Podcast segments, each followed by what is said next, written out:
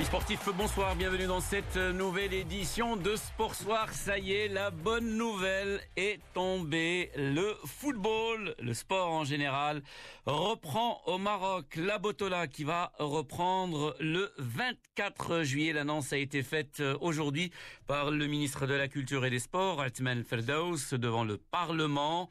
Les premiers matchs auront lieu le 24 juillet pour une fin de saison prévue le 13 septembre après précisé ensuite le président de la Fédération royale marocaine de football, Fawzi Rja. Hamza Hajoui, vice-président de la Fédération royale marocaine de football et président du FUS de Rabat.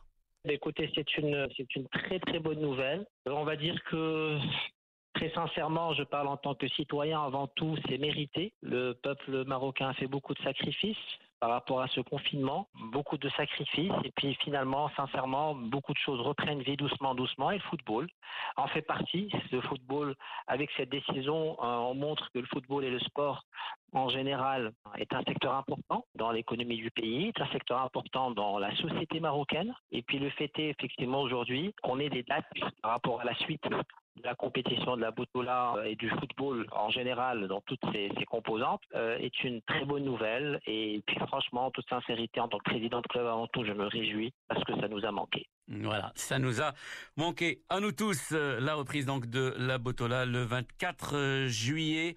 Euh, l'équipe, bien sûr, la Fédération royale marocaine de football a donné un programme détaillé. Chaque équipe sera autorisée à effectuer un maximum de cinq changements par match. Les joueurs, eux, auront droit à une pause de rafraîchissement toutes les 30 minutes. C'est ce qu'a précisé Fawzir Kja.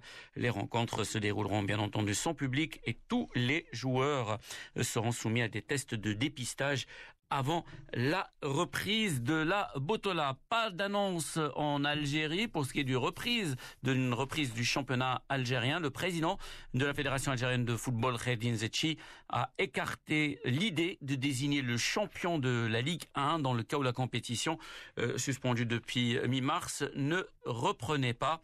Par contre, explique encore le patron de la FAF, on va devoir désigner des représentants pour les compétitions africaines.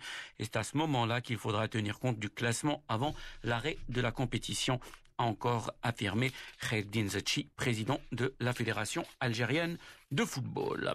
Le football en Europe, quatrième match en 11 jours pour le FC Barcelone. Les hommes de Kike Sétienne qui ont perdu la tête de la Liga lors de la dernière journée au profit du Real Madrid. Le match nul au Sanchez Pizjuan 0 à 0 face à Séville peut être crucial dans la course au titre pour le Barça. Cette fois-ci, le Camp Nou accueille un autre prétendant à l'Europe, l'Athletic Bilbao qui occupe actuellement la neuvième place. Des Catalans qui n'ont plus le droit à l'erreur s'ils souhaitent conserver leur de titre final. Et puis les tests de dépistage PCR et sérologique ont permis de détecter quatre cas antérieurs de Covid-19 au sein du Paris Saint-Germain, dont trois joueurs qui ne sont plus contagieux aujourd'hui, a annoncé le club français. On reste en France où les clubs professionnels euh, réunis en assemblée générale aujourd'hui ont voté pour le maintien de la Ligue 1 à 20 équipes la saison prochaine, confirmant les relégations d'Amiens et Toulouse qui espéraient l'élargissement du championnat français à 22 clubs.